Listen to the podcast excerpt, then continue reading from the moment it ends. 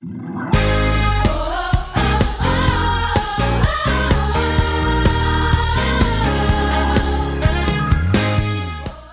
to the City Church International podcast.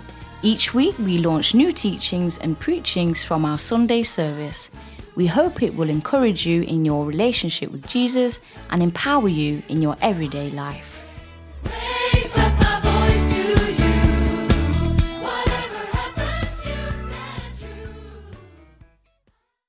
Building personal altars, personal spiritual altars. Personal spiritual altars.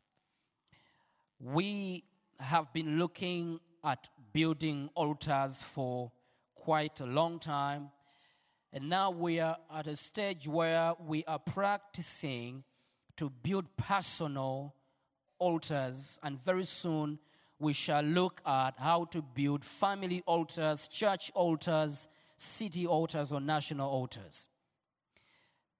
We have personal altar, but you also have to be part of a communal altar.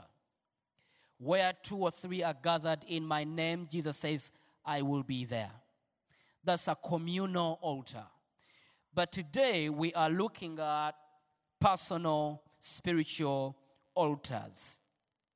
Personal spiritual altars. A personal altar is a personal meeting with God, one to one, for worship, for cleansing, studying the word, meditation, and sharing of the heart. You share your heart with God, and God shares his heart with you. A personal altar can be at a special quiet place and time where you will be undisturbed and find it easy to focus on God. Whether early in the morning, you go in a specific place, quiet, you will not be disturbed, and you begin to pray. You begin to worship. You begin to meditate on the Word of God. That's a personal time with God, quiet, undisturbed where you can focus on Jesus. Jesus and you. Early in the morning or late in the evening or afternoon, but it's a quiet place and it's a time where you and God meet. For those who have busy schedules and who work in shifts, it's a daily meeting with God whenever and wherever is convenient or possible. Probably you work so much and you have schedules and which are very tight you work in shifts and sometimes you may not have a, a, a special time where you go in a quiet place alone. You can still practice a personal altar it is a daily meeting with god you meditate on the word of god you pray in the spirit you read a verse early in the morning and you walk during the day meditating on this verse. The Word of God is circulating in your spirit. Whether you're sitting in front of your computer, as you work, you are speaking in tongues in the spirit. In your heart, there is prayer. In your heart, there is worship in your spirit there is a message that you are thinking about, a scripture that you're thinking about. You are meditating. It's a meeting place, it's a daily meeting with God. You have a personal relationship and communication with God. A personal altar can take place in your heart, right in your heart, meditating, worshiping in the Spirit, praying in the Spirit, and sharing the heart, sharing of the heart at all time. A personal altar is to live and walk while in the secret place near to the heart of God. In that place that He has re- reserved for you. Every one of you, you have a special place in the heart of God. So you walk close to God. Maybe you're driving. Maybe you're sitting on the train, walking on the street. Or you walk with transport, you're distributing things as luggages in different places, different addresses. But you are so close to the heart of God and you are maximizing that time with God. You need to engage your heart, and your spiritual man is engaged and very busy with God. While as the physical man is doing physical work, the spiritual man is doing spiritual work. Like I've been teaching that you and I, we are spirit beings living in a physical body, and therefore we have the ability to do business in two dimensions the spiritual world and the physical world. The spiritual world and the physical world. We have the ability to do business in two dimensions. When the physical man is busy doing daily business, the spiritual man is busy worshiping God. Hallelujah. When the physical man is busy doing work in the house or in your office, the spirit man, the spirit man is busy worshiping God. You are close to the place that God has reserved for you. The secret and the key to a significant life with God are in the secret place. If you want to live a significant life, a life with meaning here on earth, it begins in the secret place with God. If you do not have time in the secret place, you will never fulfill your purpose here on earth. Everything begins in the secret place. The secret place is a place where the keys of life are, where the secrets to life are. So you go there daily. You wake up in the morning and you go in the secret place. You begin to worship God, and God begins to bless you, to load you with benefits that early in the morning. But also, He reveals His agenda for your life in that day. He reveals his agenda for your life in that specific day. Every day you have an assignment from God. Every single day you have an assignment from God. That's why you need to go in the secret place where God can show you your agenda for that day. The way you start your day matters. The way you start your day determines how you end your day. I always pray and say, Lord, guide my path, prepare my path, oh God, remove every stumbling block, and Father, remove unreasonable men, wicked and reasonable men, so that you can have a clear day. Father, help me not to be distracted by the things of this world. Let me be on point. Because you and I, we have no time. The most, one of the most powerful gifts that God has given man is time. Time. You see, sometimes you find yourself going around the same mountain every day, every month, every year. You are in the same place, and you look at your life and you say, Father, what's happening with me? There is no progress in my life. You are on the same mountain for years. And sometimes you see your friends prosper, increase, and they are graduating, they are getting jobs, and they are getting married, and things are happening in their lives. And, and for you, there is nothing happening in your life. You are on the same mountain. When you go in the secret place, your agenda is revealed. When you go in the secret place, time is redeemed. You have no time to waste. The secret and the key to a significant life with God are in the secret place where you meet with God on a daily basis. And so, and so we should learn how to practice the presence. This should become our lifestyle because our heart is a place of worship. 1 Corinthians 3:16 the Bible asks us a question Do you not know that you are the temple of God and the and, and, and, and that the Spirit of God dwells in you? And so we need to realize and be aware of who we are and what we carry. We need to realize of who we are and what we carry. Don't you know? Maybe you've been going to places that you are not supposed to be, and you've been engaging yourself in things that you're not supposed to be engaged in because you didn't know who you are. But today you need to know that you are the temple. You are the temple. And the Spirit of God dwells in you.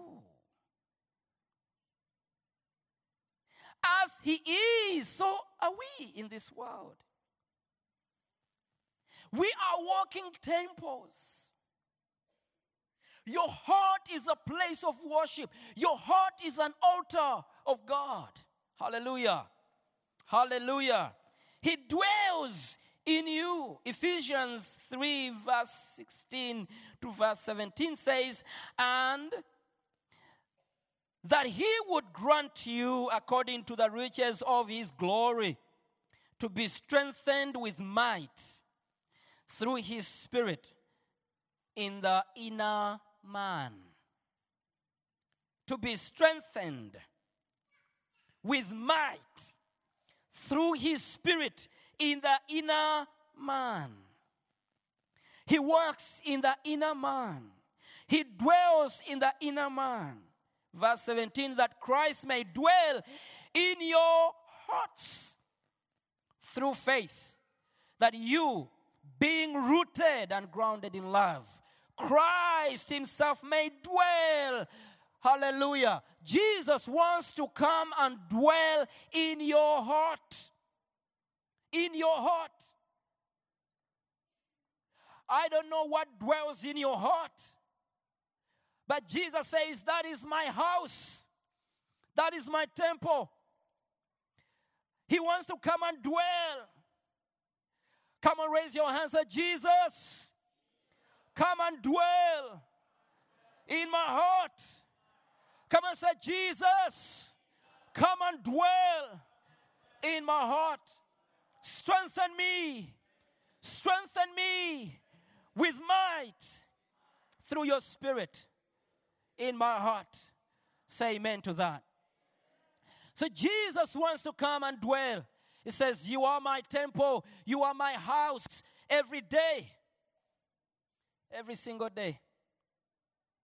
So in our hearts, we shouldn't give him a little corner, a little corridor, but let him take the whole house and live in that house. I gave you a story some time ago.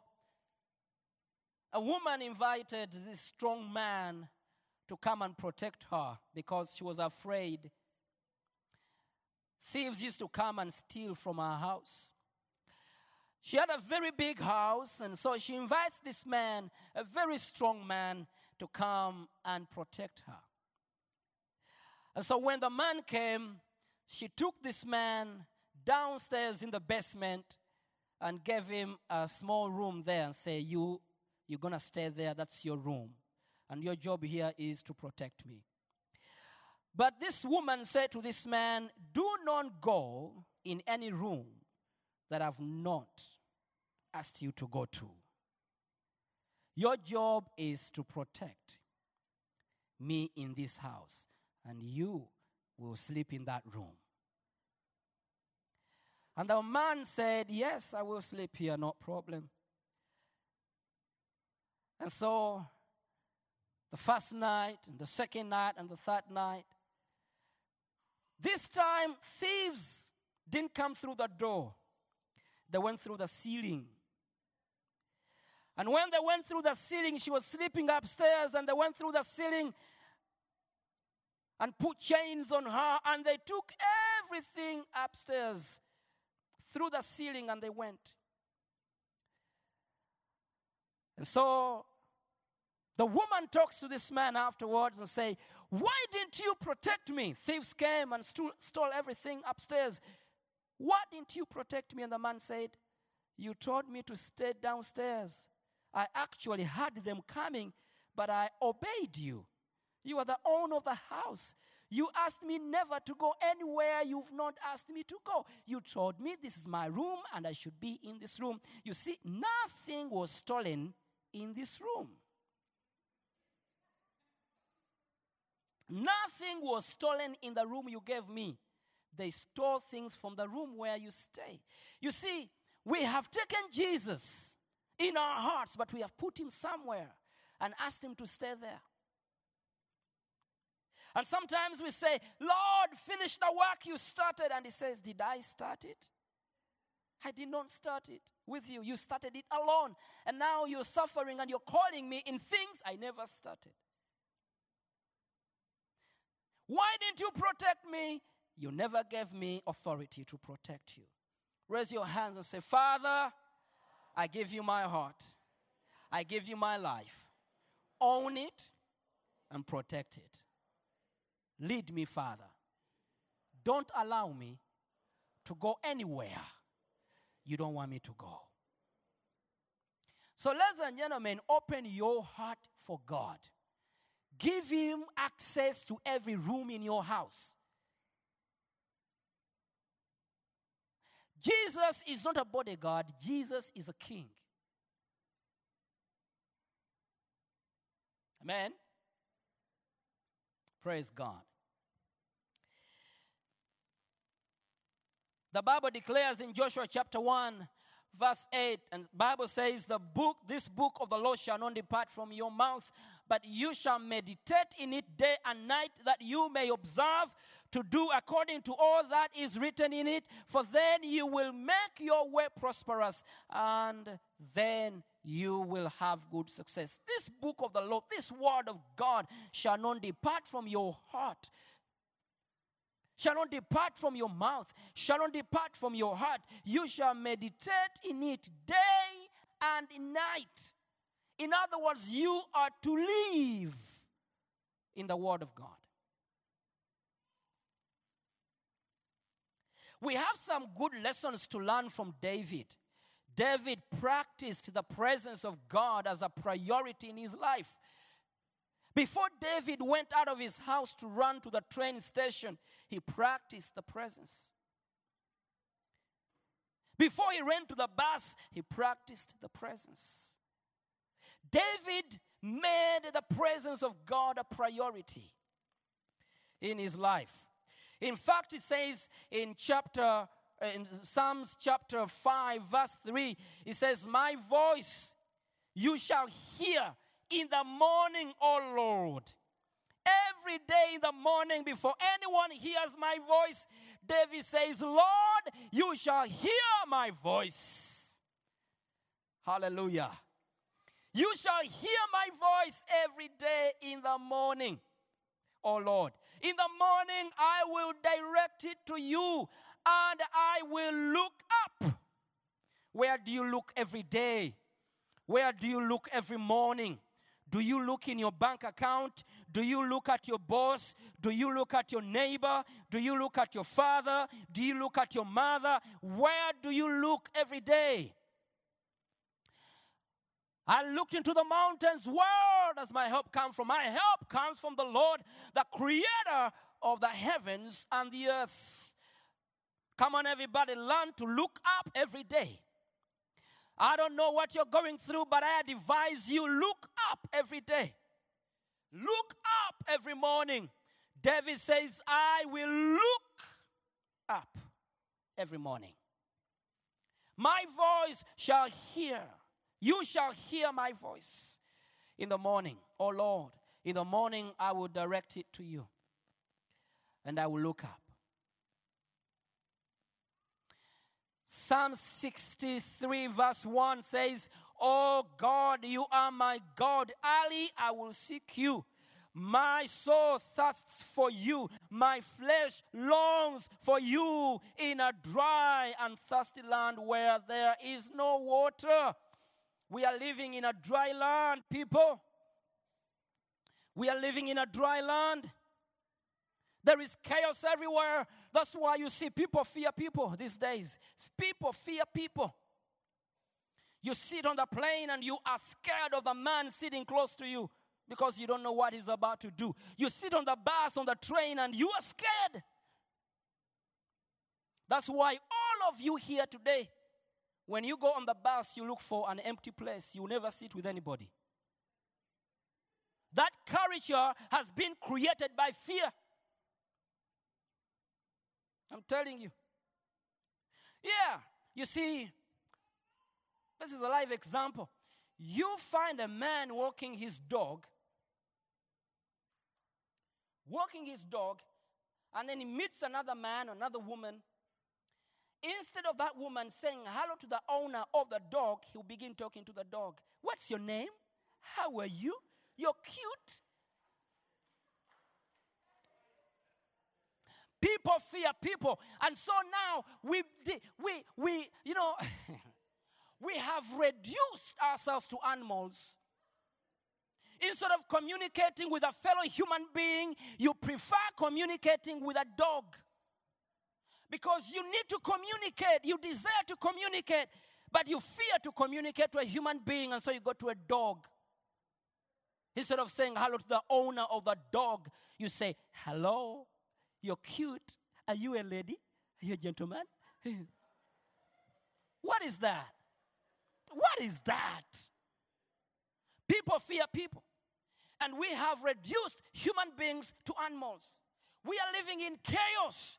Today, a man getting a knife through another man and kill him is no longer a question. It's easy to do.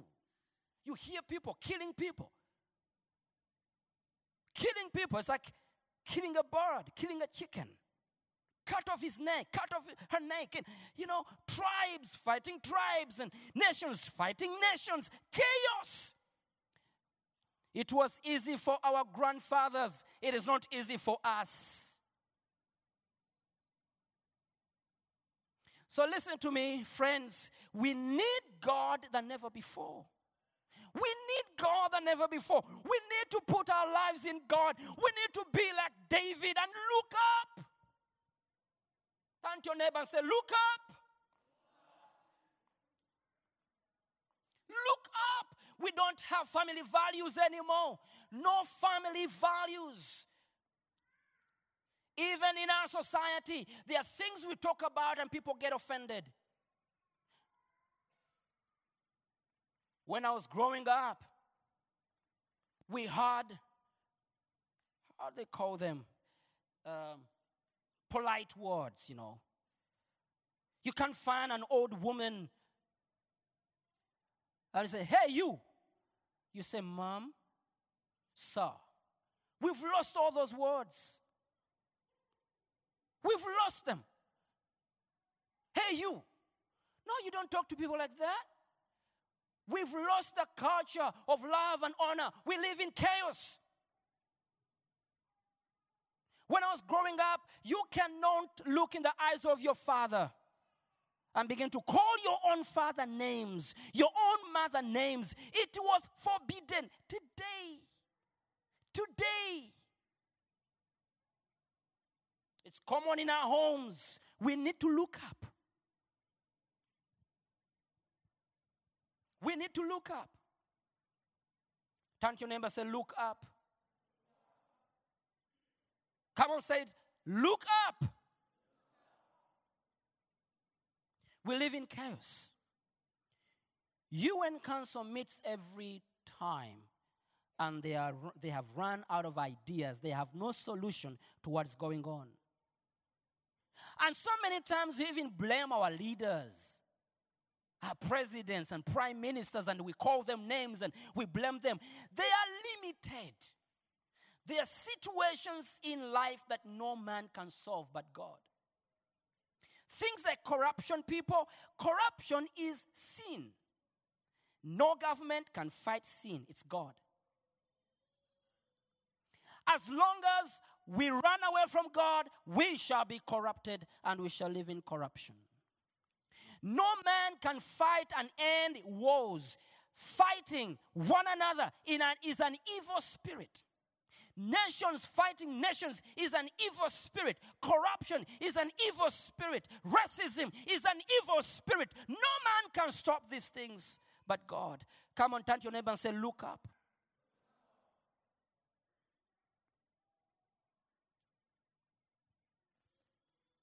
So David says, I will look up. Oh God, you are my God. Early will I seek you. My soul thirsts for you. My flesh longs for you in a dry and thirsty land. We live in a thirsty land. We live in a dry land. David remained open to receive instruction, correction, and direction, and maintained the fire at his altar 24 7. 24 7. Listen, what is going to keep you and I is the fire at the altar. Everyone say fire. The fire. Do not let your fire go down. The enemy fears fire. Everyone say fire. The enemy fears one thing fire. That's why God needs to surround you and build a wall of fire around you. Raise your hand, say, Father, build a wall of fire around me.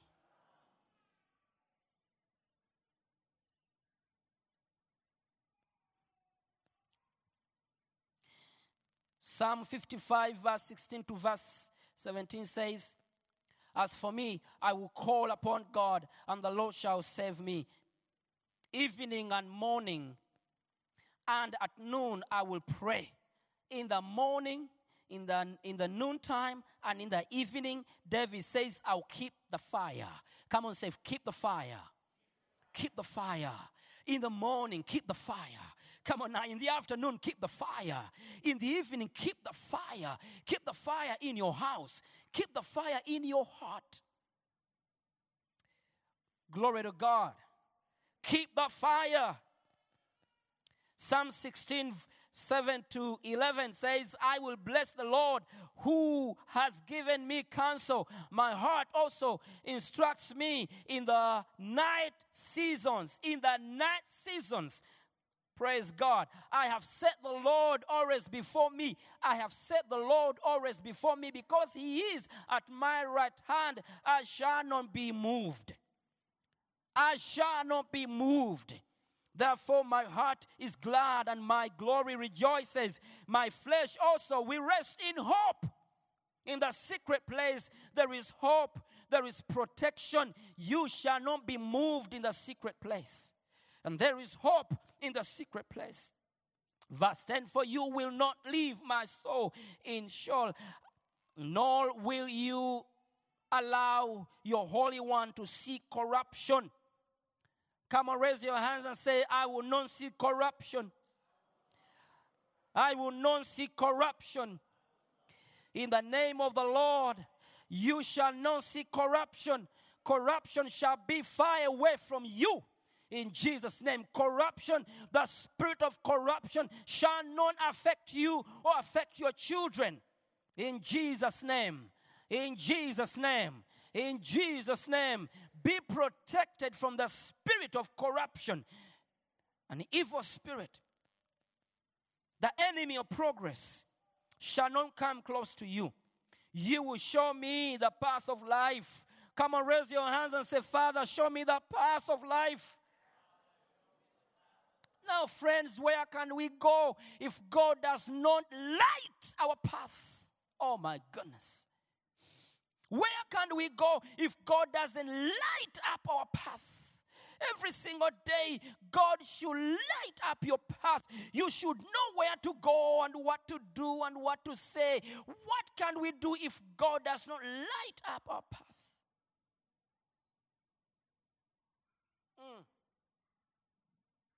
Your dreams will die, your vision will die if God doesn't light up your path. Listen to me, everything begins in the secret place. Why should you?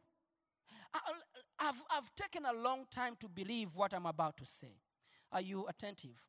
Please listen to this. I have taken a very long time to believe what I'm about to say. But now I do believe it. Many times we live with wrong perception of things. Listen to this. It has taken me a long time to believe what I'm about to say. Not everything that looks black is black. Not everything looks gray is gray. Not everything looks white is white. Sometimes we have wrong perception. You need the spirit of discernment. Don't rush, don't go faster than your God. Um, please listen to this. Ladies, gentlemen, do not go faster than your God. Many times we have wrong perception. Not everything that appears gray is gray. Why should you go with someone and then after getting married, you live the rest of your life fasting and praying for grace to handle that person? Why? God needs to light up your path. Let everything be revealed before you go in further.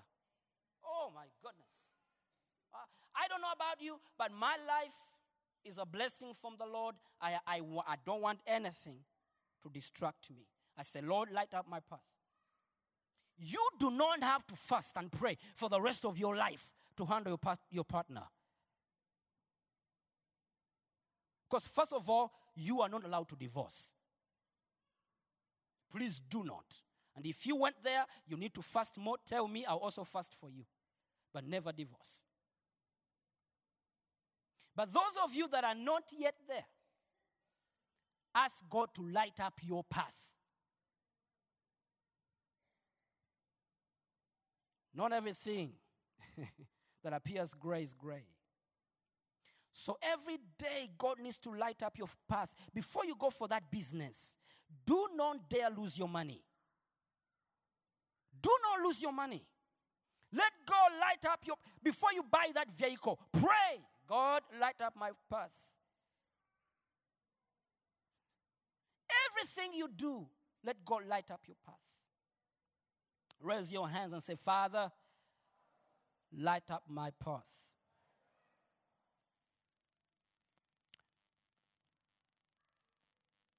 You will show me the path of life.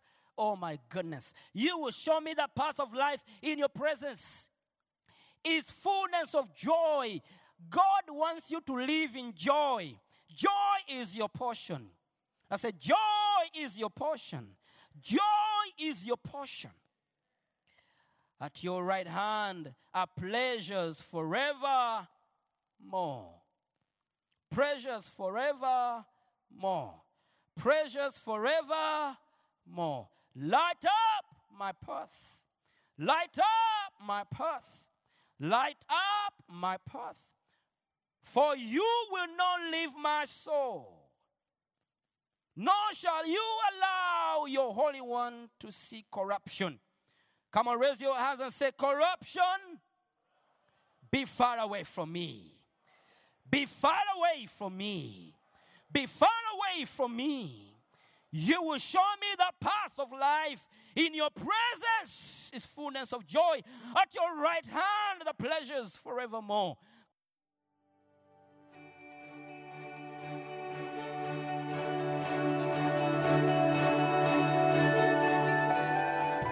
Thank you for listening. If you're in the Stockholm area, feel free to join us at our international services every Sunday at 2 pm at Adolf Fredriks Kyrkogata 10.